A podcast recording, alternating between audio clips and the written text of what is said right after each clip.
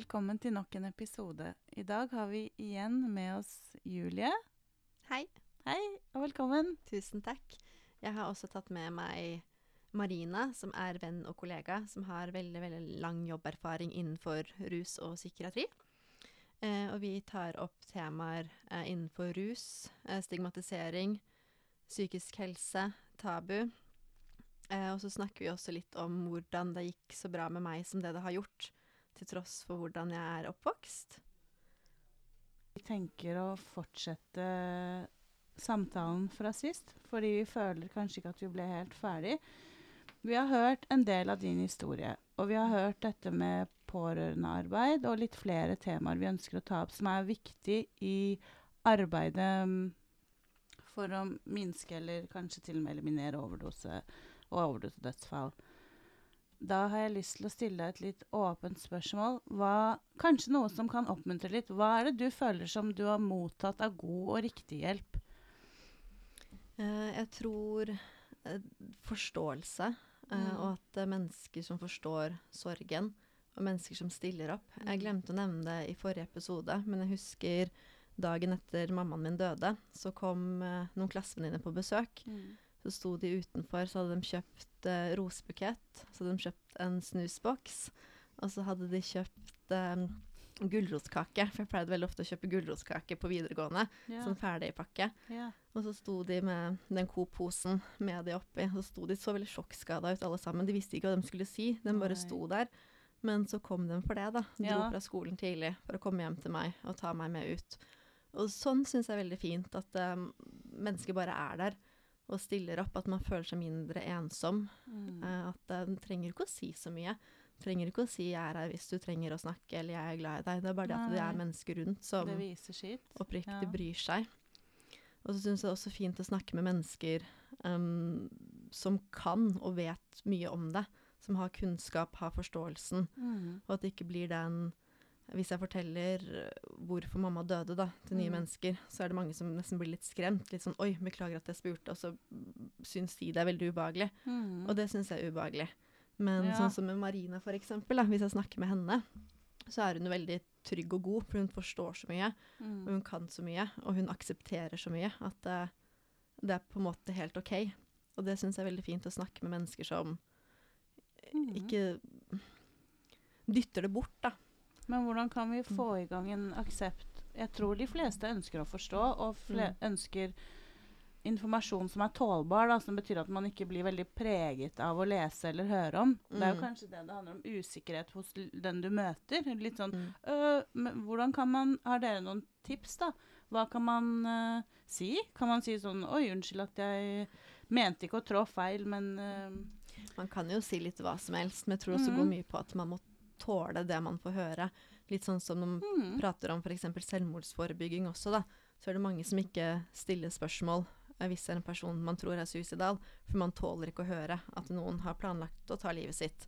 Eller man tåler ikke å høre eh, hvor lenge den kanskje orker, fordi at den vet ikke hva man skal svare. Ja, ja, og jeg tror det det er litt det det går på. på, at man har ikke noe svar. eh, og man føler ikke at man har noen løsning, for man kan ikke noe om det. Og det er helt OK, for man har jo ikke noen løsning på hvordan Et annet menneske vet jo ikke hvordan den skal håndtere mine følelser. Den kan jo ikke Nei, bare komme inn og fikse meg. Nei. Men det er det at man må tåle å høre hvordan ting er. Mm. Uh, og hvis man har noe å si, så har man noe å si, men hvis ikke, så er det også OK. Da kan man heller si det at uh, jeg vet ikke hva jeg skal si, for jeg kan ikke noe om det her. Eh, å være nysgjerrig og spørre, for det er ikke skummelt å spørre.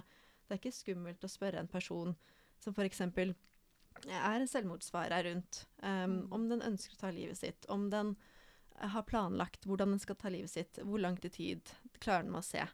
Det er jo ikke skummelt, det hjelper jo bare med å forebygge. Mm. mye mer kunnskap, Mm. og i best fall også kanskje redde liv. Ja. Og sånn tenker jeg også med dødsfall som er vanskelig å snakke om, eller eh, hvis man er pårørende til en som ruser seg, at man, Mm. det er ikke skummelt å spørre. Og hvis det er ting jeg f.eks. ikke vil svare på, så sier jeg at det, vil jeg ikke snakke om akkurat nå. Eller nå klarer jeg ikke å snakke om det. Eller nå Ja. blir jeg lei meg, så nå vil jeg ikke snakke om det. Så da Ja. trenger jeg ikke å snakke om det. Og det er altså det er helt OK. Mm. Hva tenker du, Marina? ja. Nei, jeg tenker jo akkurat dere sier, da. At, at man viser omsorg, at man- man bryr seg. Tenker jeg er blant det viktigste. Altså, eh, det finnes jo ingen fasit. Altså, og man kan jo ikke fikse en annen menneske, men man mm. kan være der. Og man kan bry seg. Eh, og, og man kan jo si at altså, jeg, uff, jeg vet ikke hva jeg skal si, ja, men jeg er her for deg. Mm. Altså, og sen som Julie sier, da, kunnskap tenker jeg er veldig, veldig viktig. Og søk kunnskap, og at det blir formidla kunnskap. For altså, jo mer man kan, eh, desto mer vet man egentlig at man ikke vet, på en måte. Men Ja, mer kan man finne ut av. Ja. Livet er ikke så langt, og ting kan jo det, Vi håper jo å leve lenge og ha en god kvalitet på livet lenge. Mm. Så jo raskere man kan ha data og bruke det effektivt, jo mer vil jo samfunnet løftes, da. Og så blir man jo aldri utlært heller. Man lærer Nei. nytt hele tiden. Sånn som i stad, eh, så fikk jeg fortalte Marina meg at uh, alkoholabstinenser er den farligste. Og det har jeg aldri tenkt over, det har ikke jeg visst. Um, og men så lærte jeg det i stad. Og så snakket vi litt om det, og så Ja, men da vet jeg en ting til, da. Mm. Og så sånn fortsetter man hele tiden, men da må man jo spørre. Da må man jo Mhm. snakke om det. Man Og må abstinens er det å komme ut av eh, rus, da. abstinens er jo symptomer Mm. som oppkommer etter man har kutta eh, ja, et inntak av, av forskjellige rusmidler. Mm. Mm. Hva gjør man hvis man har store alkoholabstinenser, da? Eh, altså, hvis man, men- hvis man eh, Det er veldig farlig å, ifall man har drukket over lang tid. Eh, og tverrkutt alkohol, det er farlig. Da må man ha Nedtrapping? Altså, Eller? ja, man kan Hvis man Nedtrapping Altså, jeg tenker man må på sykehus. Man må Ja, ja, inn på ja. avrusning. Ja, ja. Ja. Eh, og få medisi medisinsk behandling, da. Mm. Mm. Og det gjelder kanskje andre rusmidler òg, selv om alkohol er den farligste? Ja, avrusning er alltid å foretrekke, da. Mm. På, på, på sykehus. Der det er personal, fagpersonal som hjelper en. Mm. For eh, Og jeg tenker også kanskje at hvis man tør å ta kontakt med noen som vet hva de snakker om da, innenfor rus og psykiatri hvis ting går uh, feil vei, så kan man bli overrasket over hvor mye bedre man føler seg av å ha tatt det steget og innrømme at man har uh, et eller annet, enten påvirket av rus eller har en psykisk uh, vanskelig situasjon. Da. At man ikke må være redd for å ta kontakt. mm. For det finnes hjelp, og det finnes også mennesker som vil hjelpe. Mm. Um, men så er det som så mye å snakke om det, Mm. eventuelt. Og det er ikke alltid man trenger å bli rusfri heller. Det snakket jeg Marina litt om i sted som var på vei hit. At liksom det med å gå fra et liv i rus til å bli rusfri, så er det liksom en Hvorfor? Hvem er det egentlig best for deg? Er det best for Mm. samfunnet rundt? At det, samfunnet forventer at man skal være rusfri? Man skal Mm. opp, man skal gå på jobb, hjem, lage middag, legge seg Mm. klokka elleve, sove på natta, opp. Altså, det er sånn samfunnet har satt opp at det er sånn skal vi leve. Det er sånn Mm. det er normalt å leve. Det er sånn Ja, det er bra ja. å leve. Så når det er så mye fokus på å få uh, mennesker rusfri, så er det som en For hvem sin del? Er det for Mm. din del at det er best at den personen er rusfri, eller er det for den egens del? Ja, ja, ja. For man kan jo også ha veldig fine liv med rus. Mm. Og litt det at hvis man f.eks. bruker eh, masse forskjellige rusmidler, kanskje man heller kan trappe ned på det ene, da, men fortsatt bruke det andre. Og fortsatt ha likeverdige liv ja. som den som står opp klokka sju og legger seg klokka elleve har. Det var et veldig godt poeng. Og Mm. til ettertanke, hvem eh, gjør man det for? Mm. Og sikkert uh, alle disse stegene på veien, da. At Mm. man må ta høyde for at uh, man kan være i en fase i livet hvor man er svak og sårbar fordi man har tatt et valg, har lite erfaring om den nye tilværelsen, er mye mer utsatt for å falle tilbake i gamle vaner, og da igjen tenke hvem gjør man det for, og skjønne at det er en skuffelse for de som prøver og kanskje feiler òg, da. Mm. Ser du den tryggheten av det. Um, Marine har jobbet med rus og psykiatri veldig, Mm. veldig lenge, så hun Mm. kan jo også veldig, veldig mye om det.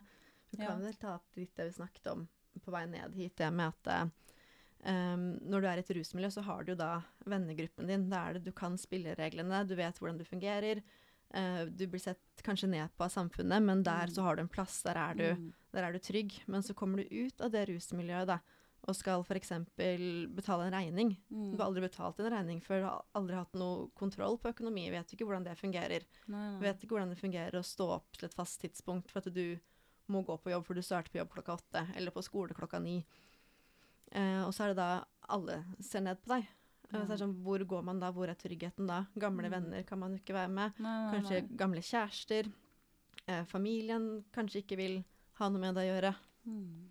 Å ha ingen å gå til da, som ikke dømmer en nå i tillegg. Mm. Hva, kan du ikke betale en regning? Det, ja, men det kan man jo tenke at det kan komme uten at noen tenker seg om. Mm. Det, For, for, for meg så er det helt naturlig at da jeg får lønn, så går jeg inn i nettbanken og check, check, check, check, check på alle fakturaene. Betalt. Så er det gjort. Det er min rutine. Men så er det en som aldri har gjort Ja. det, for det er en som ikke vet at man kan legge det inn som e-faktura, for da er regningene kommet i posten, og så er det bare et Mm. papir, og så hva gjør jeg med det papiret her? Aldri liksom, vet ikke hvor mye penger det er på konto, for det har på en måte ikke vært viktig tidligere. For da nei, nei. tar ut, kjøper kanskje den medisinen man trenger, Mm. spise mat når det passer seg å spise mat. Og så skal man Mm. plutselig inn i den normale rutinen, som da er noe helt annet enn hva man har levd med kanskje 20 år. Ja, og sen jeg tenker på å skaffe seg et sosialt nettverk. Mm. Eh, det er jo ikke det enkleste. Hvordan får man venner når man er voksen? liksom? Mm. Og hva, når man møtes, hva snakker man om? Man snakker jo oftest om jobb da.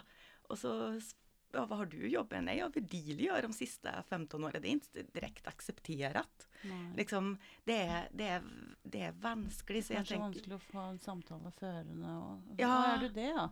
Ja, den da- skammen. Ja, ja, mm, og så mm. stopper det liksom hvor- Hvordan skal samtalen gå videre fra Ja. det? Ja, jeg er konsulent eller noe, da. Hva har vi til felles Ja, det er vanskelig kanskje å Ja. vite. Mm. Fordi det er så Det er jo ikke bare skambelagt, men det er jo ulovlig òg. Ja. Man blir sånn Mm. vet, vet, ikke hva man skal si. Nei. Mm. Så jeg tenker at det er jo så mye uh, for hjelpeapparatet å jobbe med. Det er ikke bare å slutte å bruke rusmidler. Ma- Man må Nei, jo ha, man må, det er så mye mer da, Mm. som må på plass. Man må ha bolig, man ha, må ha en jobb, en aktivitet, en, et meningsfullt liv på mange plan da. Ja. Eh, og et sosialt nettverk. Så det er mye mer enn kun rusmidler allting Mm. handler om. Mm.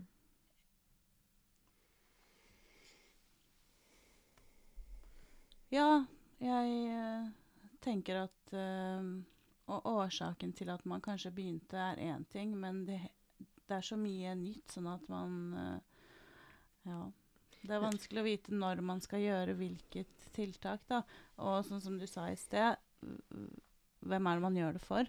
Mm. Hvis alle kommer inn med alle sine kunnskaper og ressurser, vil denne personen egentlig det? Og, og ikke presse for hardt, Og da. er det riktig, er det trygt for personen også? For jeg tenker liksom det at Mm. det er jo ingen som vokser opp, det er ingen femåring som sier at det, når jeg blir voksen, så har jeg lyst til å bo på rusinstitusjon. Og eh, Nei, det er ikke målet. Nei, det er jo Nei. ingen som drømmer om det, men så skjer det kanskje på veien, da. Og så er det liksom sånn at hvis man da har opplevd traumer som barn, um, ikke hatt det godt som barn, kanskje har en diagnose, uh, ting er rotet i hodet, og Mm. så ruser ruser deg, så dempes det. Du har ikke like mye angst, du har ikke like mye vondt. Alt det som gjør vondt, blir borte. Og så er det noe med at hvordan skal et menneske da, som er vant til å ty til rusmidler, sørge uten å skulle ruse seg, eller kjede Ja. seg uten å føle på at man må ruse seg, og kjenne sine egne følelser. For sorg er skummelt, det er kjempeskummelt, og det er vondt. Å identifisere egne følelser er også vanskelig, for man føler at man har vondt, men man vet ikke hvorfor man har vondt. Så Ja, må man først da. Først må man jo kjenne hva man føler, og så må man jo identifisere hva man føler. Og så må man jo akseptere hva man føler. Mm. Og så må man grave så dypt inni seg selv til et punkt hvor det nesten er litt skremmende, fordi det er så mye vondt. Og det å på en måte klare det da uten rusmidler, som da har dempet det tidligere Ja, ja, Og hvis hele hodet er kaos, så klarer man kanskje ikke å gå inn. Og da er det jo ty til rusen som demper. Mm. Og så kanskje, som Marina også nevnte i sted, er på vei ned hit, Mm. er jo også at eh, det kommer liksom den skammen med alt hva man har gjort. Hvorfor har ikke jeg ringt datteren min på et år? Eh, hvorfor truet jeg kompisen med å drepe han? Eh, hvorfor har jeg gjort det mot mamma? Hvorfor har jeg gjort sånn? Kanskje tanker som hvorfor ikke jeg barbeint gjennom Oslo sentrum den fredagen for tre år siden? Mm. Og så kjenner man på all den skammen, og så skal du håndtere all skam, stigmatisering, Mm. vonde følelser, i tillegg til at du skal ha ryddig bolig, orden på økonomi. Mm. Ikke sant? Det er jo ikke bare rusen som Ja, ligger der. Det er veldig mye annet rundt, og mye annet bak, og mye annet man på en måte skal takle og forstå, da. Tror du det kommer av ensomhet, at man begynner å tenke og ikke stopper seg selv og sier 'nå må jeg ringe noen', 'nå må jeg snakke med noen'? Fordi nesten en hvem som helst vil jo prøve å oppfordre deg til å tenke andre liksom, Ja, tanken er greie, men følelsen trenger kanskje ikke å være så vond. Men hvis man Men- ikke har noen å ringe, Ja, det er det jeg mener. Ja. Tror du det er ensomhet? Ja, ja, altså hvem skal man ringe, da? Og sen jeg tenker, hvis Si at man har fått eh, god kontakt med sin ruskonsulent da. Ja. Men eh, det er jo veldig sjelden disse tankene kommer mellom ni og tre mandag til fredag liksom. Og at ruskonsulenten akkurat da ikke er på et møte. Altså, ja, men jeg mener Ja, det. Det var det jeg eh, siktet ja, til. Hva, selv de så- proffe, hva hvis det ikke er tilgjengelig, og man Ja. prøver, da? Hvor hardt skal man prøve, og hvor lenge? Hvor, hvor deler man det ansvaret, da? Gjør man det kanskje ikke det? Og så er det Ja. kanskje ikke alle som vet at man har jo døgnåpne hjelpelinjer. Mm. Eh, mental helse, Ja. legevakt eh, og rustelefon eh, Mm. og lignende. Men det er jo ikke alle som vet at man kan ringe. Fordi det må jo på en måte være mer, mye mer opplyst. Det er ikke alle som tør kanskje å ringe. Eller som egentlig ikke vet hva man skal snakke om, for alt gjør Mm. bare vondt. Og Mm. skammer seg ved at å ta en sånn samtale. At det bare blir vondt og vanskelig. Og så er det kanskje de vennene man har, er i rusmiljøet. Og så man har ingen andre. Kanskje mammaen din ikke vil snakke med deg klokka tre på natta, for hun er vant til at når du tar kontakt klokka tre på natta, så er det i forbindelse med noe som ikke er greit. Mm. Så hvem skal man på en måte da ja, det gå til? faktisk ju faktiskt eh, en del, en del ja, rustelefonen og sånt man, man kan ringe og støtte, men det gjelder jo å få ut, ut det til folk også, at det fins. Mm. Eh, legevakt er jo åpen eh, døgnet rundt, og SA er jo åpen. eh, det er jo på legevakter då, dygnet rundt, så det finns ju, men det gäller ju att sprida det ordet också för sen finns det ju många eh, organisationer som har mye hjelp også, da. Mm. Kanskje vi skal finne opp et nytt hjelpemiddel? Eller sånn kredittkort Ja. eller noe sånt med alle telefonnumre på Ja. Ja. Så kan de her dele det ut. ja. og Vi kan ha på nettsiden vår også noe Ja. om Ja. hvordan man alltid kan ringe. Ja. Det opp og frem overalt i rusen og psykiatrien. Og høre Mm. hva som kommer, hva som skjer etter dette. Mhm. Det fins jo faktisk flere sånne for pårørende med, telefoner. Ja. Man kan Ja, og... ringa och Sånne kort kan vi lage. ja, Ja, Mm. det har vært helt supert super som visittkort som man kan ha lett tilgjengelig. Ja. Ja. Så er det så mye annet rundt også som må være på plass. Fordi det Mm. er veldig fint at man har hjelpetelefoner, og at man Mm. har den 'jeg er her hvis du trenger å snakke', og så deler man eh, hjelpetelefonnummeret.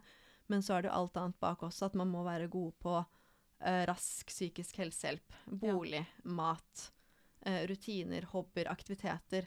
Én ting er at det er bra å snakke ut om ting, men alt Mm. annet rundt må også være stabilt og på plass. Mm. Det hjelper ikke at man bare har noen å snakke med. Nei, det er så mye annet sier, rundt. stabilt, ja. Mm. Det må ha vært sånn en stund, og det var derfor jeg tenkte på det med å ha noen å snakke med for å få tankearbeidet, sånn at man kan kanskje fysisk klare å gjøre det man skal, selv om man har ja, At man er innenfor en slags komfortsone, da. At man ikke er Mm. dratt helt ut. For å Det er viktig at man funker der man er, Mm. og for uh, alle å ha noen å snakke med hvis ting går utenfor komfortsonen, da. Mm. Og, vi, Mm. og bare å vite det kan jo også være en hjelp, i Mm. stedet for å undre. Men jeg, jeg tenker litt på det dere snakket om i begynnelsen. Det der at kanskje det er greit å være rusmisbruker, eller greit å Men jeg tenker jo at eh, den malen vi har som vi ønsker at alle skal leve etter, den er ikke Jeg prøver ikke å leve etter den malen, men eh, jeg tenker jo at eh, noen Altså Altså I forhold til pårørende så er det jo bra at de kommer seg ut av rusen på en måte. Absolutt. Det var jo det jeg ønska som lita også, at Ja. eh, mamma skulle bli rusfri. Ja. Um, og hvis hun rusa seg, så ville jo ikke jeg ha noe med hun å gjøre. Ville ikke se henne. Ja. Så det mest ideelle for meg eh, som barn, og, og tenåring, eller for meg som person eller datter, er jo at hun var rusfri. Men så har jeg så nå i ettertid, etter hun har dødd, så har jeg sett ting litt annerledes. At um, eh, det, er, det, er liksom, det er ikke det bare å bli rusfri. Eh, for det var kanskje best for meg at hun ble rusfri. Men var det best for henne sjøl? hvordan klarte hun seg på en måte hvis hun skulle bare vært rusfri?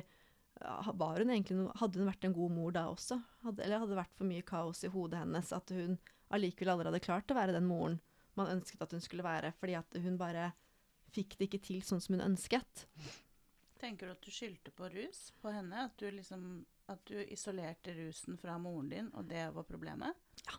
Ja, og så har du Mm. innsett kanskje at det var et mer komplekst greie, da, for å Mm. komme di i ditt arbeid. Mm. For å akseptere mer, da, og kanskje forebygge for andre. Ja. Jeg tror nok også at jeg på en måte trengte også litt det at det er så fælt å si. Men det at hun gikk bort, har på mange måter vært det aller beste som kunne skjedd. Ja. Eh, både fordi at da får man eh, Fikk jeg ro i kroppen, for da vet jeg hvor mamma er. Mm. Da vet jeg at hun ligger der. Jeg er her. Ja. Eh, nå er det ingen som kan skade henne. Nå kommer ikke jeg til å møte på henne. Eh, nå, nå er hun borte. Nå trenger ikke jeg på en måte beskytte hun eller beskytte meg sjøl. Og hele tiden gå i beredskap for hva om, tenk om, hvis om. Eh, og så tror jeg det også på en måte Jeg har lært så veldig mye mer. Eh, det med liksom aksept. Det med å på en måte godta um, at mennesker er annerledes, at vi er forskjellige.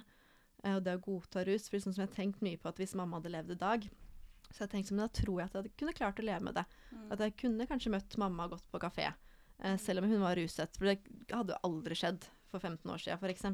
Men kanskje hadde klart det i dag hvis hun hadde levd. Kanskje hadde klart det å være på besøk selv om hun var rusa og ikke tenkt at nå må jeg gå herfra. Og hatt det gøy med hun Mm. selv om hun hadde tatt heroin den dagen.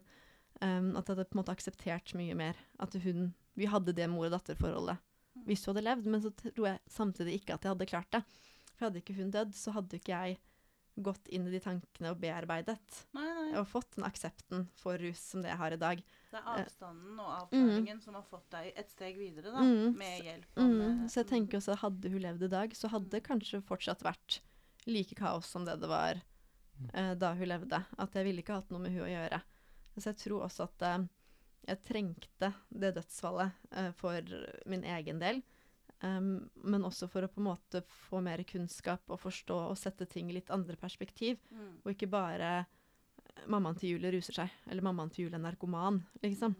At det, det var så mye mer, og det var Nå så tenker jeg på et sett at det var greit. Det var sånn det var, og det var sånn mitt liv var. Så har jeg sett liksom, hvor mye det har lært meg. Hvor mye jeg kan som ikke andre kan, eller hvor mye jeg forstår som ikke andre forstår. Um, og hvor mye jeg på en måte godtar, da. Som andre kanskje ikke godtar. At uh, jeg kan fint sitte i et rom uh, med en som er rusavhengig, og ha en skikkelig morsom samtale, og tulle, eller snakke om noe seriøst, eller bare være. Og det kan jo mange andre mennesker synes er skremmende, for man vil ikke være rundt den personen. Nei. Fordi det er ubehagelig. For den plutselig tar han opp en kniv og stikker meg, ikke sant. Gjør jo ikke det. Nei. Det er ingen menn som gjør det bare For det er sånn man gjør. Det er jo ikke farlig. Og det er liksom det at man må ufarlig Man skal ikke ufarliggjøre rus, fordi rus er farlig. Men man må ufarliggjøre det å Møte snakke. folk som er rusa. Ja, istedenfor liksom Hvis man kommer en gjeng da, eh, med Mm. mennesker, om det er én eller to eller tre, eller altså, samme hvor mange det er, så er det ofte at man går rundt for å ikke gå forbi en person som er tydelig ruset. Da. At hvis det sitter en gjeng eh, med rusavhengige på fortauet, så går man jo heller på andre siden. Man unngår det. Man vil ikke være rundt det, for det er skummelt, det er farlig. ja. Eh, man vil ikke ta dem i hånda, for det er møkkete. ikke sant? Man vil ikke komme nær, fordi 'oi, han kom borti jakka mi'. Men hvorfor, på en måte? Hvor, hvorfor er det sånn? Man må på en måte da kanskje gå forbi og si hei. Ja. Kule sko. Ikke sant? Eller smile. Mm. Eller gi et Det er jo ikke smittsomt. Jeg tenker når, Absolutt ikke. når skal man i samfunnet begynne å innføre aksept? Og når man er, har Mm. små barn, kanskje det er greit å skygge banen. Men som Mm. sagt, det er jo ikke smittsomt. Men når man blir eldre, ja, gå litt tilbake og bare Er du sikker på at du har, eh, ikke har tanker om hvordan man kan oppføre seg, da? Mm, og Ikke være så eh, diskriminerende. Som, unnskyld at jeg sier Nei, det. nei. Ja, Men med små det-. Jeg Først tenker jo mye her at uh, det er jo ingen menneske som er sin sykdom. mm. Man er jo ikke kreft, og man er ikke brukerpemme, man er ikke psykisk syk, man er ikke rusavhengig.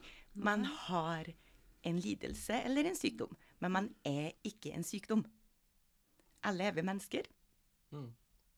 Og det var en av de første tingene jeg uh, lærte meg når jeg ble spytta på og sånn. Så er det sykdommen som spytter på meg, ikke personen, liksom. På en måte jeg skiller det som skjer av negativt, og i hvert fall på at eh, det er uh, ja, det syke, ikke personen. Skille person og handling. Mm. Ja. Mm. Men nei, i, for i handling, begynnelsen så ble jeg litt sånn usikker om du liksom aksepterte, men nå skjønner jeg litt mer, da, for nå det er, det er liksom ikke svart-hvitt. Altså målet er selvfølgelig at alle skal ruse seg minst mulig, men man kan akseptere det til en Mm. viss grad, da.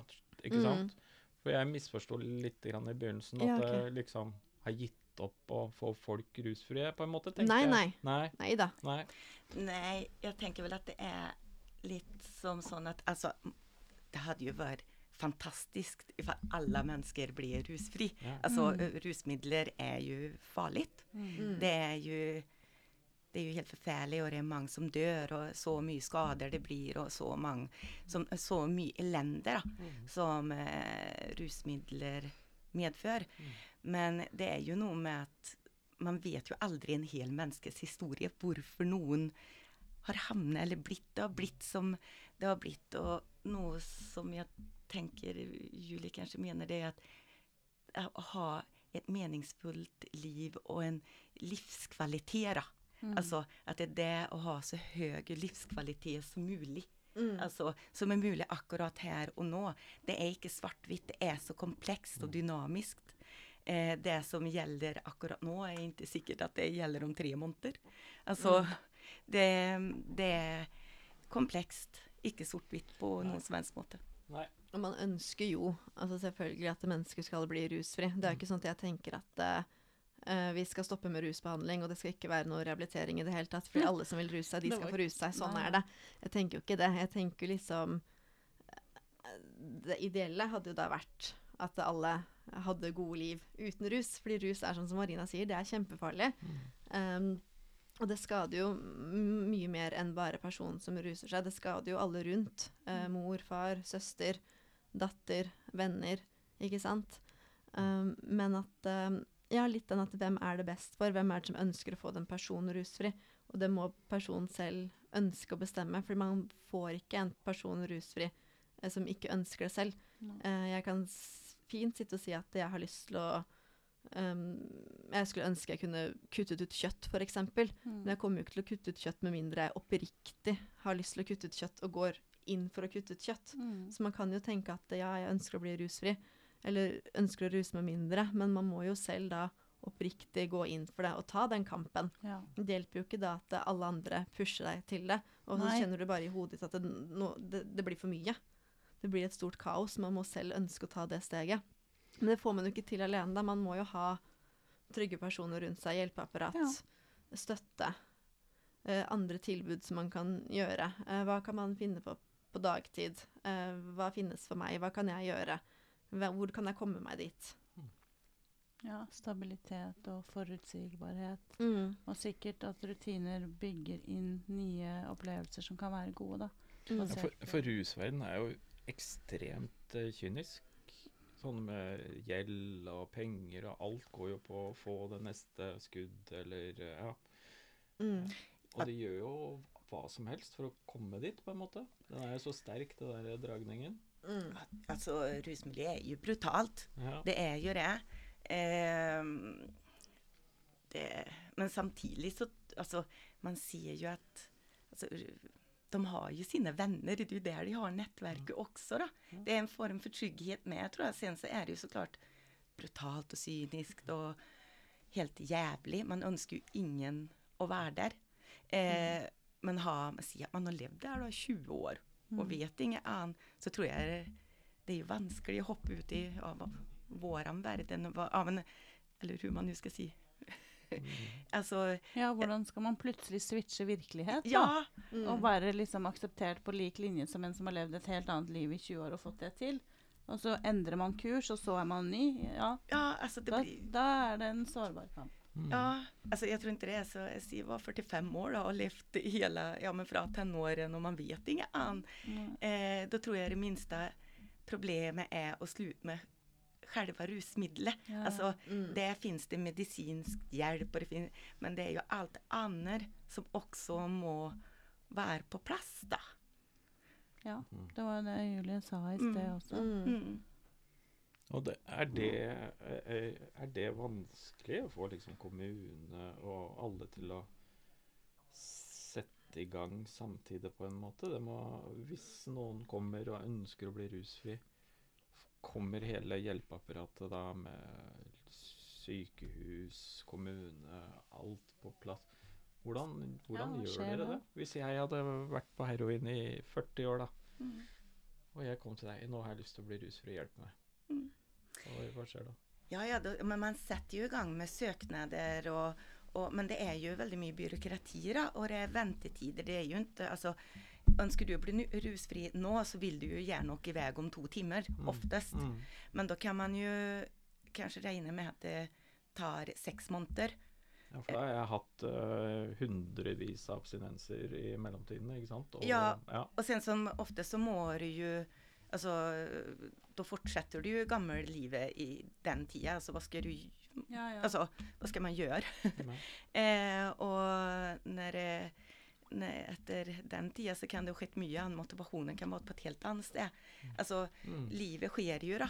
Altså, jeg er ikke sikker på Jeg ønsker det samme nå som jeg gjorde for seks måneder siden. Altså, det er jo eh, Så det, det tar jo sånn tid, da. Og sen så Det fins Vi er jo alle forskjellige. Bare for at et behandlingshem passer deg, Mm. så kanskje ikke det er riktig for meg. Jeg kanskje mer vil gå tur, og du Mm. vil Altså så man, Ja, det skal jo være rett behandling også. Altså Mm. plass, og det er så mye, da. Mm. Som, eh, og noen kanskje vil ha den riktningen, og noen den. Og, så det er jo Det er mye som skal til. Mm. Og Og det må være vanskelig å stå og være, prøve å være en hjelper, da, samtidig som systemet rundt ikke kan gi deg det du trenger akkurat nå. på en måte. For jeg er jo sånn når jeg går og har lyst på en ting, så må jeg kunne finne den varen akkurat nå. For i morgen gidder jeg ikke å handle den, ikke sant? Nei. Jeg trenger den nå. Ja, og så er vi jo Så er er oftest alle mennesker, da. Ja. Altså, jeg vil bli rusfri nå. Mm. Hjelp meg nå. Mm. Nå er jeg klar for å gå inn på avrusningen. Mm. Eh, inte om åtta-tolv måneder. Altså, det er ufattelig lenge. Mm. Mm. Ja, hva er grunnen til at det tar så lang tid når det er så risikabel eh, sport da, å la rusmisbrukere som ønsker å bli rusfrie, og innsett det og er, er der, da, har den flammen akkurat der og da, hvorfor ventetiden er sluknet, og så må man begynne på nytt kanskje med det mentale arbeidet, da? Ja, det er er jo det, det er jo plasser. Altså Er det for å bygge rundt mennesket at det tar tid? Mm, Er det noen Altså, som vet? mm, Men det er jo just ifall man vil på behandling, altså Ja, en langtidsbehandling. Ja. Det, det er jo det er det er, lang, det er lange køer. Ja, det er fullt, ja. Det er fullt. Det er plats, plasser det handler om. Det er lang, lange ventelister. Er det, er det vellykket som regel, den rusavvenningen på lang tid? De plassene vi snakker om, er, funker det? Det funker. Ja, Ja. det, Da ja. burde det være flere av de, da. Ja, vi har hatt flere ansatte som har vært eh, over lang tid på Ja, ja. her. Ja. Og det funker, det. Ja.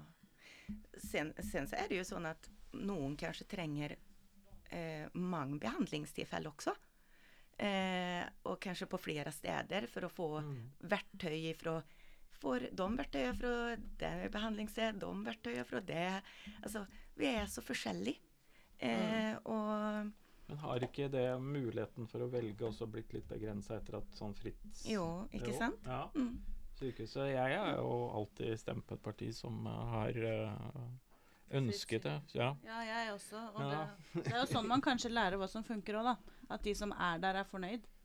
Ja. At ikke det går ovenfra og ned, men litt på Så må man liksom se oppfølgingen. Det som også er, da, um, er at hvis man får en kreftdiagnose Mm. uh, og er i behandling uh, for kreft, opererer, uh, cellegift, blir kreftfri, så har du fortsatt veldig mye etterkontroller. Man er jo ikke kreftfri eller på en måte erklært kreftfri før året etterpå, for du må fortsette med da kontroller, Mm. prøver, Mm. se om det på en måte holder seg stabilt. Det er jo ikke det samme i f.eks. rusbehandling. At Man har jo ikke de samme check-in og samme kontrollene. Kanskje forskjellig fra forskjellige steder, jeg vet ikke, men i hvert fall fra da mamma levde, da. Så har man jo ikke like tett oppfølging etter endt rusbehandling som det man f.eks. har etter endt kreftbehandling, da. Eller psykisk behandling. Altså hvis man går til en psykolog eller er i psykiatrien, så har man jo ikke den samme oppfølgingen i ettertid som det man gjerne har med fysiske diagnoser. Mm. Ikke sant? Da er det jo hele tiden at man følger på at det går riktig vei. Um, kreftcellene kommer ikke tilbake, det formerer seg sånn som det skal. Det her ser fint ut. Og så går man videre og videre, og så kjenner man det er trygt nå. Men det kan være fare for tilbakefall med kreft, f.eks. Men det blir jo ikke helt Det er jo ikke samme oppfølgingen med rus og psykiatri, da. Nei. Er det det, Marina? Nei, altså det er nok veldig forskjellig også, men eh, even om det er sånn ettervern, så det er jo ikke nok.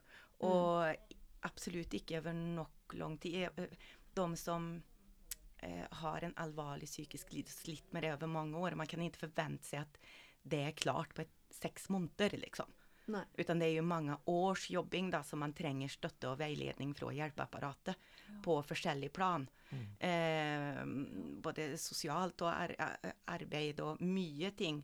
Og mange har jo både somatiske og psykiatriske diagnoser som man også trenger bistand med. Mm. Eh, og for har man levd i et tungt rusmiljø over tid, så medfører det mange traumatiske hendelser, som vi snakker om. Det er et tøft, kynisk miljø eh, som medfører mye. Og så kanskje man har gjort dumme ting selv også, som man må jobbe med. Så eh, det trengs jo lang jobbing, da. Mm. Og mye bistand i, i etterkant i hjelpeapparatet, tenker jeg. Ja, jeg tenker at det viktigste er å ha en egen motivasjon. Fordi den, den sånn flammen jeg snakker om, da, prøve å opprettholde den ikke for stor, ikke for liten flamme, men et sted hvor det går an å jobbe med mennesket.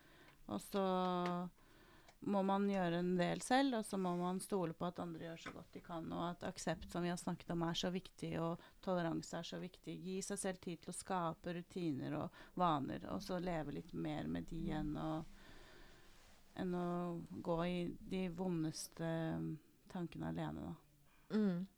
Og det er jo litt målet med denne podkasten her, da. Liksom Ja. ikke å generalisere, men Ja. å akseptere. Men kanskje man må generalisere litt for å akseptere noe Akseptbåsen større, da. Putte inn en ny generalisering Mm. der. Mm. Akkurat i dag var det overdoseproblematikk, da. Mm. Hva tenker du, Julie? Om eh, hva da, holdt jeg på å si? Om, Nei, om overdose eller samtale... Eller Om samtalen, har vi fått uh, snakket om noe av det du syns er viktig? Mm, det syns jeg absolutt. Og så syns jeg sånn for min del, da, meg og mitt ego, er jo da det Ja. pårørendearbeidet Ja. som er egentlig det viktigste for meg. For én ting er jo den personen som er i rus og lever med rus, men så er det jo alle disse menneskene rundt som Mm. også påvirkes. Um, som da er nær familie, og så har du fjern familie, nære venner, fjerne venner. Ja. Men også venn av venn, eller venn av datter. Det er så mange rundt som påvirkes eh, ved Mm. overdosedødsfall. Sånn som mine venner eksempel, har jo også opplevd overdosedødsfall, for dem er jo nære meg. De også har jo mistet en person de har visst hvem har vært. Kanskje min bestevenninne som var glad i mammaen min, har jo mistet noen hun er glad i Ja, til overdose, hun også. At liksom alt det arbeidet rundt Det er så mange som står igjen. Eh, så på pårørendearbeidet må på en måte styrkes på et sett. Men så er det det å finne ut av hvordan, hvem, Mm. hvilke tiltak, hva skal man gjøre? For jeg tenker og mener veldig mye om det, men jeg har jo ikke svarene, jeg heller, på hva man trenger, eller hva man bør gjøre. Jeg tenker liksom først og fremst at eh, veldig fort så må jo kriseteam på plass. Ja. Eh, og så informere pårørende om hvilke tilbud finnes. Eh, hvor kan man henvende seg? Mm. em, gjøre det for dem. Sette inn tiltak raskt, både med kriseteam, kommune, lege, eh, ambulanseteam, altså hvem det måtte være, da. Mm. Um, og det at eh, mange som mister noen i overdose, føler også på en sånn ensomhet og skam, fordi eh, det er så stigmatisert at man vil jo ikke kanskje snakke om det, for man skammer seg så mye. Mm. Og at det kanskje en mor som mister datteren sin eh, i en trafikkulykke, da, har mer rett til å sørge enn en mor som mister datteren sin i overdose. Mm. Eh, for det, og så vil man ikke snakke om det, fordi man føler kanskje at ingen forstår. Man får ikke hjelpen man føler man trenger. Man vet kanskje ikke hvilken hjelp man trenger. Det er ikke nok tiltak. Mor som mister datteren sin som blir påkjørt, eh, settes inn mye mer krisestab enn Mm. mor som mister datteren sin i overdose. For det var jo kanskje mer forventet. Det var jo, hun valgte det jo selv. Når hun er ute og ruser seg, så er det sånn det måtte gå, på en måte. Mm. Men sånn uh, krisestabber rundt selvmord og sånn, den er jo ganske høy for for pårørende. Uh, Men hvor lenge varer det, da? nei, det er jeg ikke sikker på, men er det jeg bare liksom har rett sånn etterpå bare et Ja. par eh, samtaler? Jeg har heldigvis aldri mistet noen i selvmord, så jeg, jeg vet Nei da. ikke. Nei. det er lett å blande selvmord og overdose og overdose og selvmord. Men Ja, men det er er det lett å blande, men det er Ja, kanskje er litt sånn sammenlignbart, da. Mm. Fordi at eh, Ja. At det kanskje hadde vært en tanke å kjøre et litt sånn like løp der, da, for de pårørende etterpå, liksom? Så er det kanskje mange dødsfall som registreres som overdosedødsfall, som også kanskje er selvmord. Mm. Eh, men så har vedkommende eh, Det har tatt den overdosen, så tenker man da at det var en ulykke, at det var forventet, eller det er sånn det måtte gå. Men så var det kanskje et selvmord, men så vet man ikke at det var et selvmord, for det er ikke Dokumentert som et Nei, selvmord. ikke det er sant. ikke lapp, Det er ikke noe brev som ligger igjen. Det er brev, ikke ja. man ser det ikke på samme måte som det man kanskje kan gjøre. Det er ikke bevist selvmord, da, så Mm. blir det kategorisert som noe annet. Mm. Mm. Ja. Hva tenker du, Marina, når det kommer til pårørende eller hjelpeapparat rundt eh, innenfor rus? Nei, jeg tenker jo mye der just med stigmatiseringen, da. Mm. At eh, det er så viktig Altså, alle er vi mennesker, da. Og uansett om man er pårørende og mister noen i overdose, eller hva det er, så er det jo like vondt. Mm. Altså, man har mista noen. Og, og det er så eh, Det skal jo ikke være noen forskjell, da. Og eh, man skal finnes Altså, det skal finnes folk rundt, og det skal ikke være noen skam å snakke om, om det. Om sine følelser, sine opplevelser, for de er, de er like reelle uansett hvordan man har mist sine kjære, da. Eh, og det, det Så jeg er jo veldig opptatt av det her med, med stigmatisering. Vi, vi er alle mennesker. Vi er like verdige. Alle, har samme verdi, alle sammen. Mm. Uansett. Og det Ja. tror jeg er veldig, veldig veldig viktig just for pårørende også. Just det her med stigmatisering. Ruspsykiatri, Mm. rusnura som det handler om at blir det mindre stigma, så tror jeg også at det underletter og blir enklere for pårørende Mm. eh, til mennesker som lider av en rusavhengighet. Da. Jeg tror det. Mm, det er litt som vi snakket om en gang tidligere også. Eh, altså er at hvis f.eks. Eh, din sønn eller datter eller mor eller far da, eh, bor på en institusjon, eh, og det er på en måte at jeg da som datter vet at det er noen der som bryr seg om min mamma. At uh, jeg har Eller mamma har trygg, mennesker da, Ja, at mamma har mennesker rundt seg som oppriktig bryr seg. Uh, og at uh, de er glad i henne. Og at det er OK at jeg trenger ikke å skjule f.eks. at mamma ruser seg, for at jeg skammer meg. Jeg vil ikke si det til noen, for da tenker de Oi, hva slags mamma er det du har? Eller hva er gærent med mammaen din? Men at hvis jeg vet at Men Marina er veldig glad i mamma, og hun sier hei til mamma og syns mamma er en fin dame, så gjør det godt for meg også, for da vet jeg at mammaen min er akseptert. Og da er det lettere for mine følelser også, for mye av skammen rundt som jeg har følt på rundt med mamma, er jo fordi at det har jo ikke vært akseptert at det, mødre skal ruse seg, ikke sant? Så da har jeg skammet meg mye og liksom dysset det ned og vil kanskje ikke at alle skulle vite det. Men hvis det er helt OK at eh, jeg vet at det, folk er glad i mamma, folk bryr seg om mamma, så hjelper jo det også på mine følelser. Mm. Hvordan tror du at du Hadde hun det i deg deg selv å begynne å bearbeide det da hun døde? Begynte du med dette her da du kuttet kontakt med henne? Var det en del av deg som bare 'Jeg må klare meg uten mamma', på et vis? Hva, hvordan var det? Husker du starten på liksom den kampen du har vunnet, da? Mm, hmm. Oi. ehm, jeg husker Hun døde 2012. 2012-2012, Mm. må man sier. Eh, og da var det jo bare et kaos. Ehm, da var det jo eh, Da vet jeg egentlig ikke helt hva jeg følte eller hva jeg tenkte. Jeg sørget mye. Jeg var lei meg. Og så var det en veldig forlenget sorg, som da gikk over i depresjon. Jeg gikk ned veldig mye vekt. Men jeg følte liksom på det at eh, Jeg husker jeg sa til meg selv jeg tilgir deg, på en måte. Jeg tilgir deg, mamma.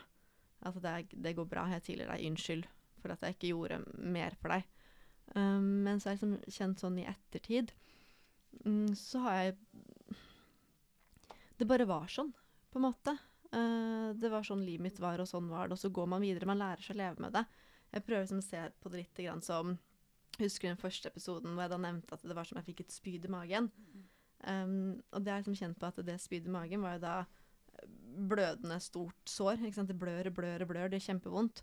Og så begynner det å gro litt etter litt. Um, og så blir det et skrubbsår. Det gjør fortsatt vondt, men Mm. det går greit. Men så ripper man kanskje litt borti det, og så begynner det å blø igjen. Men på et eller annet tidspunkt så blir jo dette store såret til et arr. Og arr gjør jo ikke vondt. Det er jo ikke vondt å ta bort på arrene, men det er jo synlig. Man ser det, det er der. Og det er en del av deg for alltid, men det gjør ikke vondt lenger. Og sånn blir det på en måte litt med tiden også, at det sorg man lærer seg å leve med den sorgen, og alt annet rundt blir også større. At det, sorgen opptar ikke hele tiden og følelsen. Da. Man finner glede i andre ting. Man lærer seg å leve med den sorgen man har, da, og kjenne sterkere på gode ting rundt enn det som er vondt.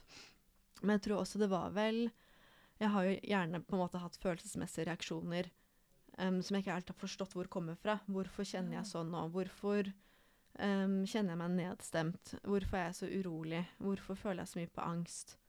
Kan hende at jeg begynner å gråte igjen. Var det nye følelser for deg du opplevde da? Eller var det kombinert med Så du ikke klarte å pinpointe det? liksom? Mm, jeg visste ikke ja, hvor det kom fra. Jeg kjente jo ja. at det var vondt. Jeg kjente jo at nå kjenner jeg meg deprimert. Mm. Nå kjenner jeg meg sint. Nå kjenner jeg meg lei meg. Nå kjenner jeg meg urolig. Men jeg har aldri klart å skjønne hvor det kommer fra. Um, så det var jo eh, flere år etter mamma døde, hvor jeg da eh, spurte legen min om henvisning til psykolog. Ikke fordi det var noen akutt krise med meg, men jeg kjente bare at jeg trenger verktøy. Jeg trenger å snakke, jeg trenger å forstå litt mer. Og da var jeg i behandling hos hun ukentlig. I to år gikk jeg til henne. Og så ser jeg liksom det nå, at eh, hvor mye jeg skjønner rundt meg sjøl også. At jeg klarer å feste hvor eh, følelsene kommer fra. Og de er mye mindre, for jeg vet hva som på en måte trigger. Jeg vet hvorfor det trigger. Um, og jeg på en måte begynt å akseptere mer, for tidligere så kunne jeg kjenne at hvis jeg ble nedstemt, skulle jeg dytte det bort. Sånn skal ikke jeg ha det. Jeg vil ikke kjenne meg nedstemt. Jeg vil, jeg vil ikke føle på det som er vondt. Men for å kunne få det godt, så må man på en måte føle så dypt på det også. At uh, det gjør så vondt. At man, da kommer man videre. Jeg klarer ikke helt å Ja, ja, ja. tenker veldig klart om det, men jeg kjenner at jeg klarer ikke å forklare ut. Jeg tror Hva det det er jeg mener. er å bli kjent med dine egne følelser, nye eller, eller gamle, og, og grave til roten. Finne ut hvor de Mhm. kommer fra. For at du da eh, røsker ut hele roten. Da. At du ikke bare symptom Altså det er ikke bare et symptom. Du tar helt fra Du tar vekk hele årsaken, da, hvis du Mm. klarer det. Det var Ja. det jeg hørte, i hvert fall. Og så på en måte det å akseptere de følelsene, og så forstå Mm. hvorfor jeg tenker som jeg tenker, og hvorfor jeg har vært sånn som jeg har vært. Ehm, så det var vel da når jeg ble voksen at jeg kjente sånn Jeg ville ta tak. Jeg ville forstå mer om meg selv. Skjønne hvorfor jeg reagerer på de måtene jeg reagerte på. Eh, Og underveis um, så kjente jeg liksom sånn da jeg gikk til psykologen, at jeg ble sliten. Jeg kjente sånn Åh, er det verdt det? For jeg ville jo at hun bare skulle gi meg ver verktøy. Jeg ville jo at hun skulle fortelle meg hva kan jeg gjøre når jeg kjenner at jeg blir urolig. Men det gjorde hun jo ikke. Hun jobba jo kjempehardt med å få meg til å gå så dypt inn i meg selv at jeg fattet det selv. da. Hva er det som trigger, hva er det som gjør sånn og sånn og sånn. Og mye av det gikk jo tilbake på mamma. At uh, jeg reagerer sånn på grunn av den hendelsen der. Jeg har den uroen og den frykten eh, fordi at hun brått gikk bort. ikke sant? Hun bare forsvant. Derfor er jeg livredd for at alle jeg er glad i, bare skal forsvinne. Mm. For det er sånn på en måte hjernen min da Det har du opplevd, ikke sant? Mm. Ja, hvorfor skal det ikke skje igjen? Det er jo, Mm. ja. En sånn traumebehandling at uh, man liksom blir dratt tilbake til det. da, Og kjenne Jeg, jeg vet ikke, det er så vanskelig å forklare. Jeg kjenner at jeg klarer ikke helt å forklare. Jeg det. hva jeg mening. Tror du det er tillit hun psykologen har prøvd å skape hos deg? Tillit sammen, sånn at dere to sammen jobbet der gjennom det?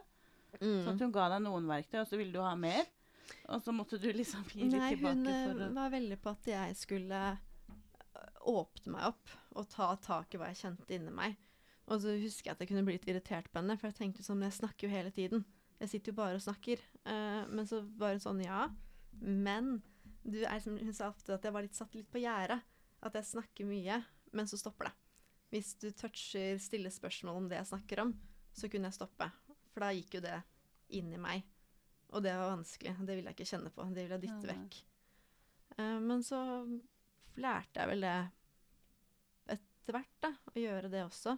Men så kjenner jeg liksom det at nå Jeg er veldig glad for at hun var eh, så på meg at jeg måtte gå inn i meg sjøl. At ikke Ja, hun bare ja. ga meg masse verktøy. ja. For jeg har jo lært veldig mye om meg selv. Og jeg kjenner at jeg aldri har hatt det så bra nå som det Jeg har aldri hatt det så bra før som det jeg har nå, blir det riktig å si. Men jeg kjenner at jeg på en måte er stabil i reaksjoner. I ting som kanskje hadde vippet meg av før, kjenner jeg at det, det går bra. Jeg kjenner at jeg klarer å håndtere, at jeg godtar at i dag er det en tøff dag. Og nå er jeg litt sliten. Men det går fint. Sånn, sånne dager er det. Det er veldig rart hvis man hele tiden er på vei opp. Det er det noe Ja. som ikke stemmer, hvis alt bare er bra hele tiden. Jeg tror ikke det er helt bra, jeg, å bare ha det bra. Men Så nei, jeg er veldig takknemlig for hun. Altså, jeg tenker på henne noen ganger at jeg har lyst til å sende melding sånn Forresten, det som vippet meg av før, har jeg stått i nå, og det har gått kjempebra. Jeg har bare svevd gjennom det. Og jeg er veldig stolt av meg selv. Begynner Ja. kanskje å gråte litt. Er. Det syns jeg du skal gjøre. Oh, Gud. Jeg er veldig stolt over deg, ja. Vi er kjempestolte, vi òg. Jeg snakker Jeg Thomas og meg kjempeteit Nei, det er barn. Er så sånn stolt av meg plutselig kan huske på folk som har hjulpet dem på vei. Mm. Så kommer du inn i, i riktige tankebaner, og noen har hjulpet deg. Noen Mm. mer enn andre. Det er jo kjempehyggelig at du nevner de, da. Ja, og så er det liksom det Så vennene mine begynner i hvert fall å gråte.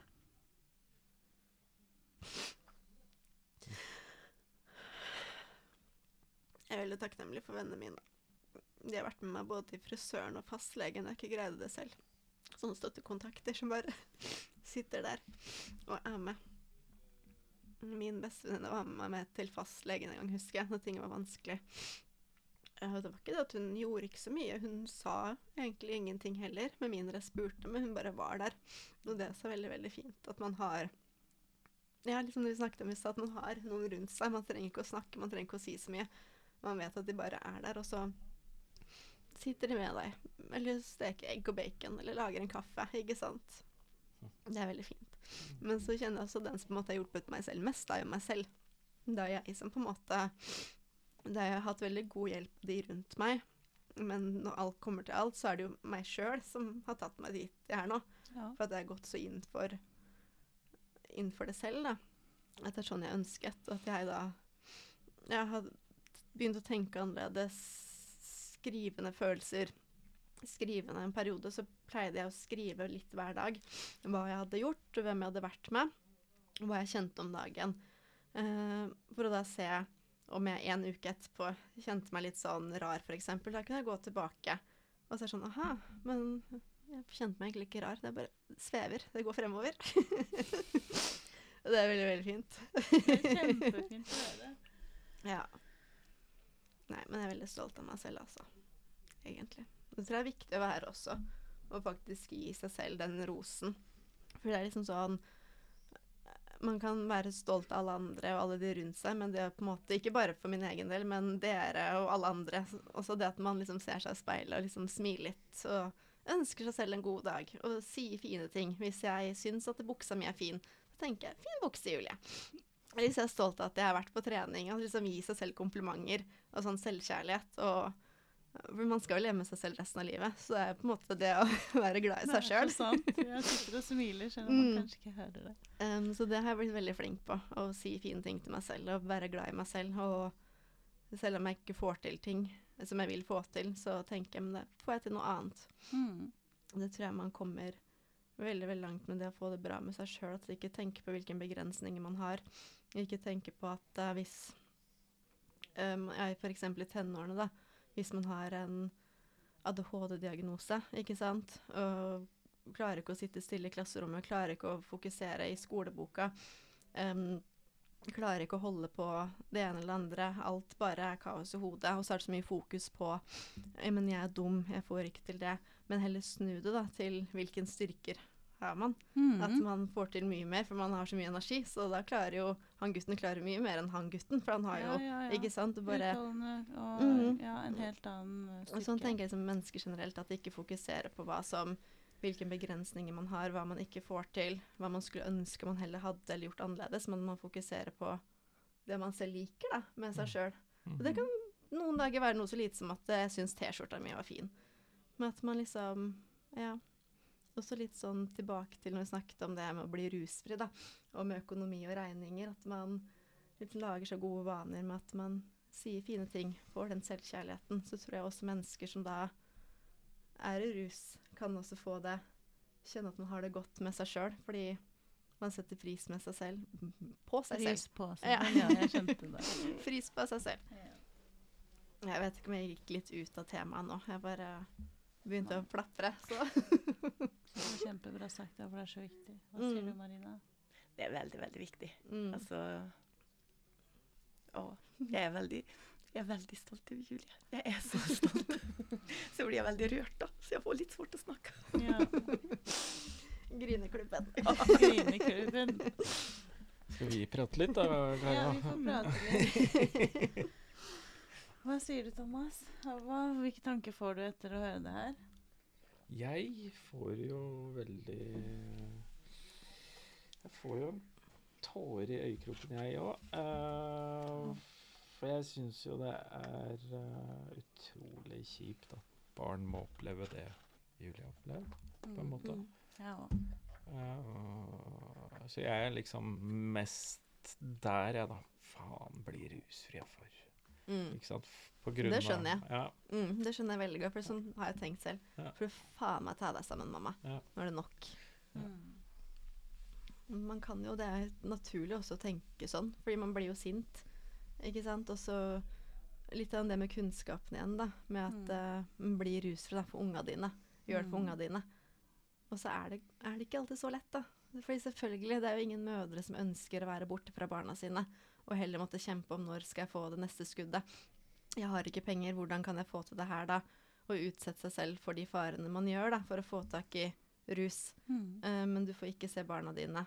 Det er jo kjempesårt. Det er jo ingen foreldre som ønsker det. ikke sant? Det er ikke det det er jo ikke det man tenker når man får barn. At Hva tror jeg du skal grunnen er, da? At de velger um, At de ikke står for sine egne valg, på en måte? Siden de antagelig så velger de jo ikke rusen over barna, men det er det de ender opp med å gjøre. da, At det må være ekstremt vanskelig for dem å face det valget. Det er så avhengighetsskap. Ja, det det er så avhengighetsskapende. Du tenker på hvorfor man velger å gå ut til rusen. den. Ja, hvorfor Altså- velger man ikke å slutte Jeg kan endre spørsmålet litt. Og det jeg Mm. mente, er hvorfor slutter man ikke å ruse hvis, seg hvis man ser at barnet lider, f.eks.?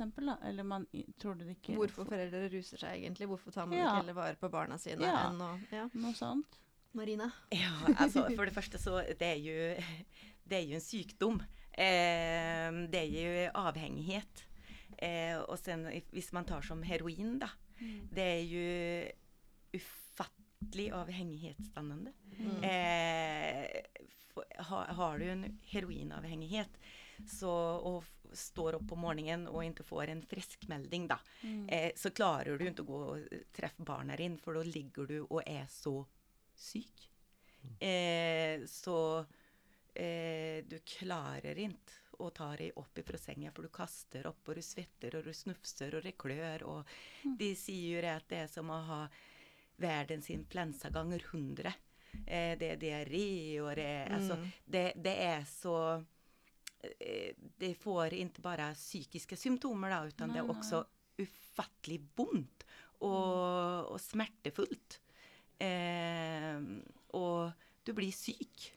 Mm. Eh, og da er eh, Og det er jo Man klarer ikke å, å, å ha så å- Altså, man skal Utan da Man fungerer ikke Man når man er i fungerer den ikke. tilstanden Man der. fungerer ikke. Nei, det. Eh, og da må man jo, for å eventuelt kanskje møte barna, så må man jo ha seg eh, en eh, heroinen, da.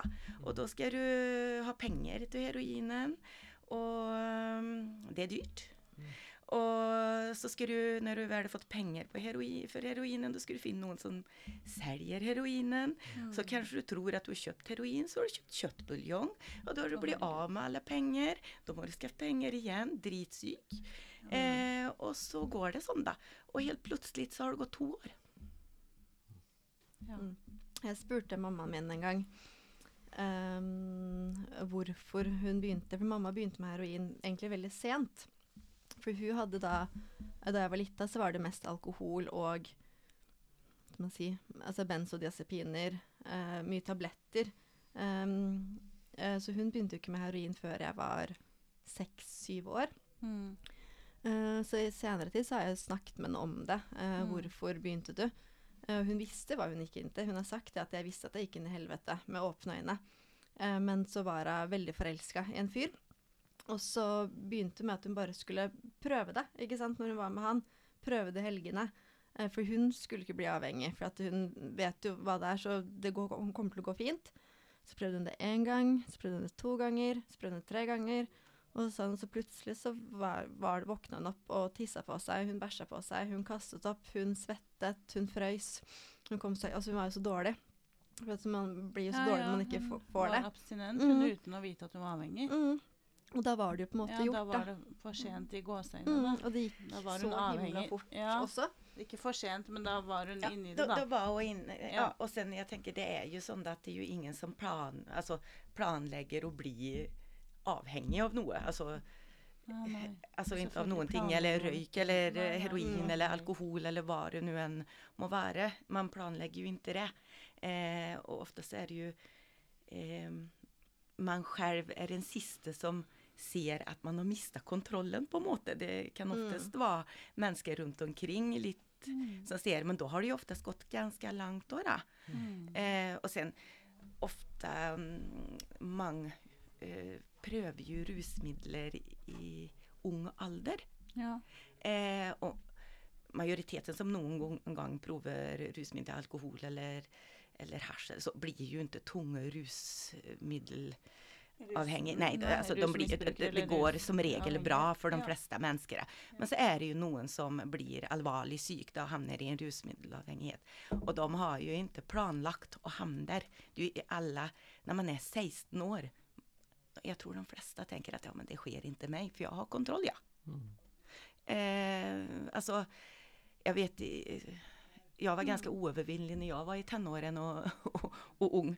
Eh, och det är ju de flesta, man har ganska, hjärnan är ju inte fullt utvecklad, man har inte konsekvenstänk. Eh, Nei, og så er det jo veldig flaks og uflaks da, hvilke venner du får på veien på, liksom. Uh, og man Og skal jo ja, være like tøff som uh, Ja, resten det av var det. gjengen. Hvilken rustning man står i, da. Og sen så er det jo noe med, det beror på hvilken oppvekst man har. Mm. Altså, noen fødes faktisk inn i den verden. Ja. Og då Mm. vet man ingen annen heller da. Nei. Nei. Så det er mye som spiller inn. Ja, det, Hvordan skal man advare folk? Men jag tänker ju kunskap, alltså eh, man ska Ja, det- inte, som när jag, när jag var ung då och de gikk gick ut så här, ja, rök aldrig hasch, du kommer dö överdos och du kommer stå på 15 etage och hoppa ut och tro du kan fly. Det var så här riktig skrämselpropaganda. Ja, ja. Och jag menar, bara för man är 15 år är man ju inte dum. Alltså, det var, för det var ju inte, det var ju, det var ju inte helt sant liksom. Eh, utan det var ju skrämseltaktik. Jag tänker, sann, alltså det är nok negativa konsekvenser av alla rusmidler. mm. Eh, som er sanne. Da. Eh, fortell sannheten. Altså eh, hva effekter er, og hvordan det virker. Kunnskap til eh, unge mennesker. Eh, og, og, og, og at den er sann, da. Altså Men sannheten er vel at ingen begynner med heroin. Det er liksom ikke der rus, rusen starter. Den starter veldig mye tidligere med ganske uh, u, Eller det mange tenker er ufarlige stoffer, da. Ja. Det er jo Ja. Ja, sen eh, de, Ja, altså det er jo veldig sjelden, som du sier, at noen, noen hopper liksom rett på heroin uten å ha prøvd eh, verken alkohol eller hasj eller noe. Da. Men, f ja. Men du kan bli eh, syk av eh, marihuana, da. Ja, man kan det. Ja. Ja, ja. Visst kan man det. Ja, ja, det er grunn til at det er ulovlig òg, da. Ja. Ja, det er ulovlig, og jeg sier jo ofte på fleip eh, i jobben, eller sånn på fleip, da, at jeg håper de legaliserer det, for da blir jeg aldri Ja, arbeidsløs. arbeidsløs, pleier jeg å si. Det er veldig mange som blir syke av alkohol. Ja, Mm. helt Ja, klart. ja. Mm. Men nå er Ja, det er ikke noe unnskyldning i forhold til det. Men, eh, men jeg tenker det er ikke noe vits i å ha enda flere faremomenter. Nei, nei. Nei. nei, men jeg tenker at å gi ungdommer kunnskap om Ja. hva farlig det er, med, ja, det er Viktig. veldig, veldig viktig. Ja. Og at man Mm. ikke liksom lyver, Mm. utan det er nok farlig. Ja. Eh, at man- så som det er. Mm. Og så at man også aksepterer det at det snakker med ungdommen om rus. Fordi man er jo nysgjerrig. Hvis da mor og far um, For noen så funker det jo å si 'aldri gjør det', men mange kan også tenke at man får beskjed om å ikke gjøre noe, så gjør man det. Mm. Hvis du sier til sønnen din 'du skal ikke sykle der', så har jo han veldig lyst til å sykle der, fordi hvorfor kan han ikke sykle der? Jeg tror det som er viktig at man har At man kan nok om det.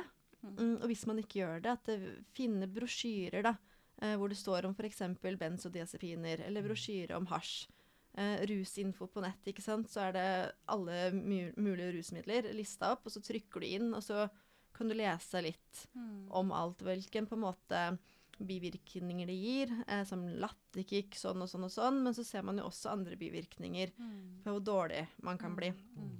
Um, og hvis man ikke har eh, kunnskapen selv, så kan man også spørre andre på skolen, helsesykepleier, eh, ruskonsulenter, lærere, ikke sant? Eh, og snakke åpent om det, og snakker om farene rundt det, og ikke bare den fy, fy, det må du ikke gjøre. For det er livsfarlig. Da blir du, da blir du avhengig. Ja, alt er jo ikke svart-hvitt. er Nei, så jeg tror man må på en måte snakke åpent med ungdommen om det, og også tåle at ungdommen er nysgjerrig. Ja, også. Og Mm. kanskje ikke bli satt så veldig til ansvar for de spørsmålene, da. Heller gi kunnskap, ja. Mm. Som svar ordentlig. Mm. Og gjerne forklare hvor farlig det kan gå, men Mm. også oppmuntre med at uh, det er ikke vits å prøve å gå og finne på noe annet, liksom. Men Mm. spør gjerne. Men ja, Mm. finne den balansen. Da. Mm. Svare på alle spørsmål, men ikke oppfordre til det, var det jeg mente, egentlig. Nå hører man jo også det at mennesker som uh, ruser seg på fest, uh, sier jo liksom det at man vil jo ikke stoppe. Man vil jo bare fortsette, for det er jo så godt, det er så bra, man har det så gøy, man føler seg så fri og lett og alt der, ikke sant. Så kommer jo nedturen dagen etterpå, for eksempel. Eh, og så kjenner man at det er ingenting gir mening, at man nedstemt. Og så er det liksom alle de bivirkningene der da i ettertid, med hvordan man føler seg. Jeg vet ikke. Men det er det jeg tenker er viktig med kunnskap. da. Mm. Og at, eh, for jeg mener, Bare for man er ung, er man jo ikke dum. Man, det er da man lærer seg veldig mye. Mm. Og forteller om hva som faktisk skjer i hodet. Ung Og- og dum, er det ikke noe som heter det? jo. Nei Jo, da. det er Det har noe vi med det. aldri vært der. Men- er oss som noen ganger. Men har kunnskap. Nei da, men det er jo litt viktig at det er, eh, det er forskjell på folk. Hvor, Mm. hvor eh, moden man er som 16-åring. Det er også stor forskjell. da. Og hva man er eh, Det er vel et sånt avhengighetsgen som man kan få med seg. Og ja. Jeg tenker bare å kunne snakke om det. liksom, hvordan, altså At det er faktisk genetisk. da. Mm. Eh, og, at, og der er jo også det med stigmatiseringen, hvor viktig det er. da, At man kan snakke åpent om ting uten at det er skam. Mm. Det er en uh, sykdom. Ja, og noen har uh, høyere toleranse på samme enn andre, sånn at for ikke å Ja, hva skjedde med deg? Og da og jeg, på meg gikk det helt fint, ikke sant? Mm. Ja, ja. Mm. For dere var litt inne på det i sted, at uh, selvmedisinering var noe som ble nevnt her, på en måte, for å, å dekke over uh, en kjip hverdag, på en måte. Mm. Det er jo det det er, Altså det, men alle, alle vil jo det. Hvis uh, f.eks. en lege gir en tablett, og vær så god, nå blir alt bra, så tar man jo den tabletten.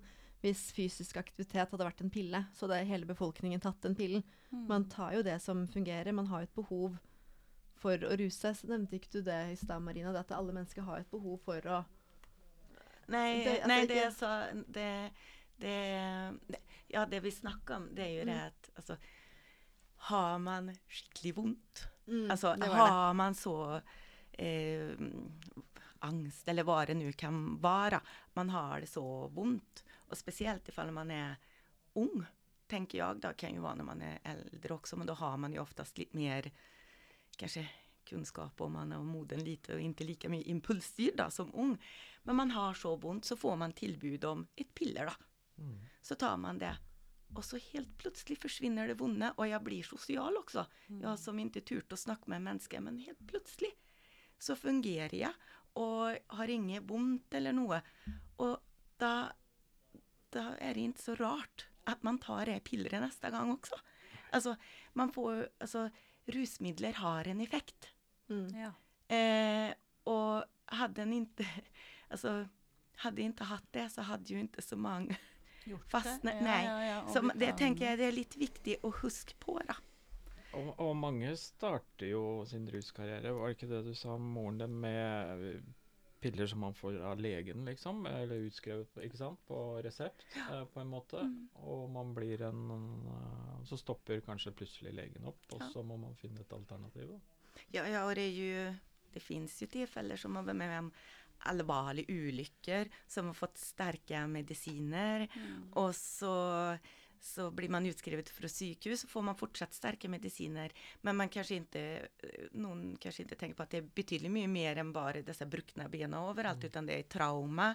Og så, ja, så bare baller det på seg, og så har man en avhengighet, og så tar pillene slutt. Og, og det er jo også en tolerans som bygger opp, som man trenger mer, og man er i behov av mer og mer for å oppnå samme effekt som tidligere. Det er det som er greia også da, med rusmidler. Man er, trenger, trenger større og større doser. Mm. Har man ikke også sett nå de siste årene at eh, tidligere så var det jo gjerne heroin eh, som representerte overdosedødsfall, men nå har det blitt mer og mer overdosedødsfall eh, av legemidler som er skrevet ut av lege. Ja, det har skjedd en økning i Ja. overdosetall eh, på um, ja, medikamenter som er, er utskrevet ifra fra lege, ja. og de överdosfa, överdosfallen som har steg några, det er framfor alt eldre hjemmeboende kvinner Mm. med somatisk sykdom. Mm. Så, så det er jo overdoser eh, Dødsfall handler ikke bare om de med knekkeknærne man ser på Brugata. Det er mennesker liksom, altså, hvor som helst. Det, ja, jeg tenker jo at det er litt sånn viktig å prate om, for da eh, I forhold til stigma og, og Kongsbergknekk eh, og heroin og sånn, så er det jo veldig mange oppegående Eller altså Mm. det samfunn tenker på som oppegående og ser eh, som er rene og ikke lukter, som eh, sliter med akkurat det samme, på en måte. Ikke sant? Mm. Altså, eh, rusmiddelavhengighet er jo en sykdom som finnes overalt. Eh, og og i hele samfunnet, da. I alle eh, Sosiale, sosiale, lag. Ja, alle, sosiale lag. Eh, så, så visst er det sånn. Mm. Det er mange som tømmer en uh, kartong med rødvin eh, i døgnet Det på er Oslo vest. mm, Mm. Visst er det det. Ja. Og mange Det ser man jo just eh, forskrevne legemiddel, da. Med beroligende benzodiazepiner og, og sånt også. Mm. Så det er jo et, et eh, stort samfunnsproblem over, over liksom alle, da. Ja. Mm, Klarer du å tenke det, liksom? At eh, mamma var en av mange, liksom? Klarer du å liksom Nå, ja. Ja. Ja, det gjør jeg. Men som lita så gjorde jeg nok ikke det. Nei. Jeg visste jo at det var andre som var eh, også avhengig av rusmidler. Eh, hun hadde jo en kjæreste som også var avhengig. Venninner som jeg kjente veldig godt, som også var avhengig. Så jeg visste at det var jo ikke bare mammaen min. Men jeg følte meg allikevel ensom Ja. i det. Eh, for det var mine venner så var det jo bare mammaen min. Men jeg visste jo at det, hun var jo ikke den eneste i verden. Um, men ja, så mamma også prøvde å lære meg da jeg var lita at det var en sykdom. Det var liksom veldig fokus på at det var en sykdom. Uh, Ja. Det klarte jeg ikke helt å forstå. Jeg forsto det, men jeg forsto det heller ikke. For jeg tenkte sånn, men kan du ikke bare eh, dra på behandling og bli frisk, da? Ikke sant? Uh, Nå tenker jeg jo annerledes rundt enn hva jeg gjorde da jeg var 12-13-14, for eksempel. Mm, så nå ser jeg det på en måte mer he helheten da, enn hva jeg gjorde som liten. Men det er jo også naturlig. Barn for, skal jo egentlig ikke forstå sånn. Det er jo ikke Nei, noe barn nei. skal forstå og egentlig det trenge å oppleve, egentlig. Hvordan kan man bruke din erfaring til å få vekk mange andres som kanskje mm, hadde måttet gjennomgå det, da? Andre barn, ja. Eller? Ja, at en som har opplevd det, og, og finne alle de tingene på veien med din åpenhet og din forklaringsevne, da, må jeg si, så kanskje man kan lytte til deg og få det redusert. Mm. Mm. Så Åpenhet, flere tror jeg, ja. Ja, for du kommer deg gjennom det, men det har jo preget store deler av ditt liv hittil. Og Det har jo vært hele livet mitt. Ja. Hele livet mitt har jo gått til det. For jeg tenker som det at jeg har veldig, er veldig fornøyd med livet mitt. Jeg syns jeg har et veldig fint liv. Ja. Og så begynner jeg liksom å tenke gjennom, så blir jeg liksom sånn Det har jo bare vært krise etter krise etter krise etter krise. Det er kjempetragisk. Men likevel så føler jeg at jeg har et godt liv. Jeg hadde en fin ungdomsperiode, selv om jeg egentlig ikke hadde en fin ungdomsperiode. Jeg hadde en fin barndom, men det var kanskje ikke så fint allikevel. Men at uh, Men jeg normaliserer det, for det er det som har vært mitt liv. Jeg veit Ja. ikke om noe annet. Nei. Men jeg tror nok at eh, det å være åpen um, Der kommer man veldig langt. Det at små barn uh, eller føler seg sett. At barn føler at de blir sett av um, andre voksne rundt, om det da er nabodama eller mor eller far til klassekamerater, Mm. eller om det er en lærer eller en ansatt på aktivitetsskolen, en trener. Det at barnet kjenner den tryggheten, da. At uh, her tør jeg å åpne meg. Mm. Det tror jeg er viktig. Og da må også voksne tørre å spørre. Mm. Og så kanskje snakke med eh, ikke bare barnet, men også foreldrene. Og bli kjent og akseptere. Eh, at barnet føler på at barnet da ikke føler på den skammen rundt at mamma og pappa er rare eller annerledes. At det er sånn, det er sånn min mamma er. Og jeg kan kanskje ikke se mamma. Og det er vondt. Og så ta det litt derfra, egentlig. Ja. Det var egentlig en veldig fin sånn eh, avslutning på Veldig. konklusjon på hva man trenger. Og, mm. Mm. Tusen takk. Jo, selv takk. Takk skal dere ha. Komme. Adios. Skal vi si ha det? Ha det. Ha det. Ha det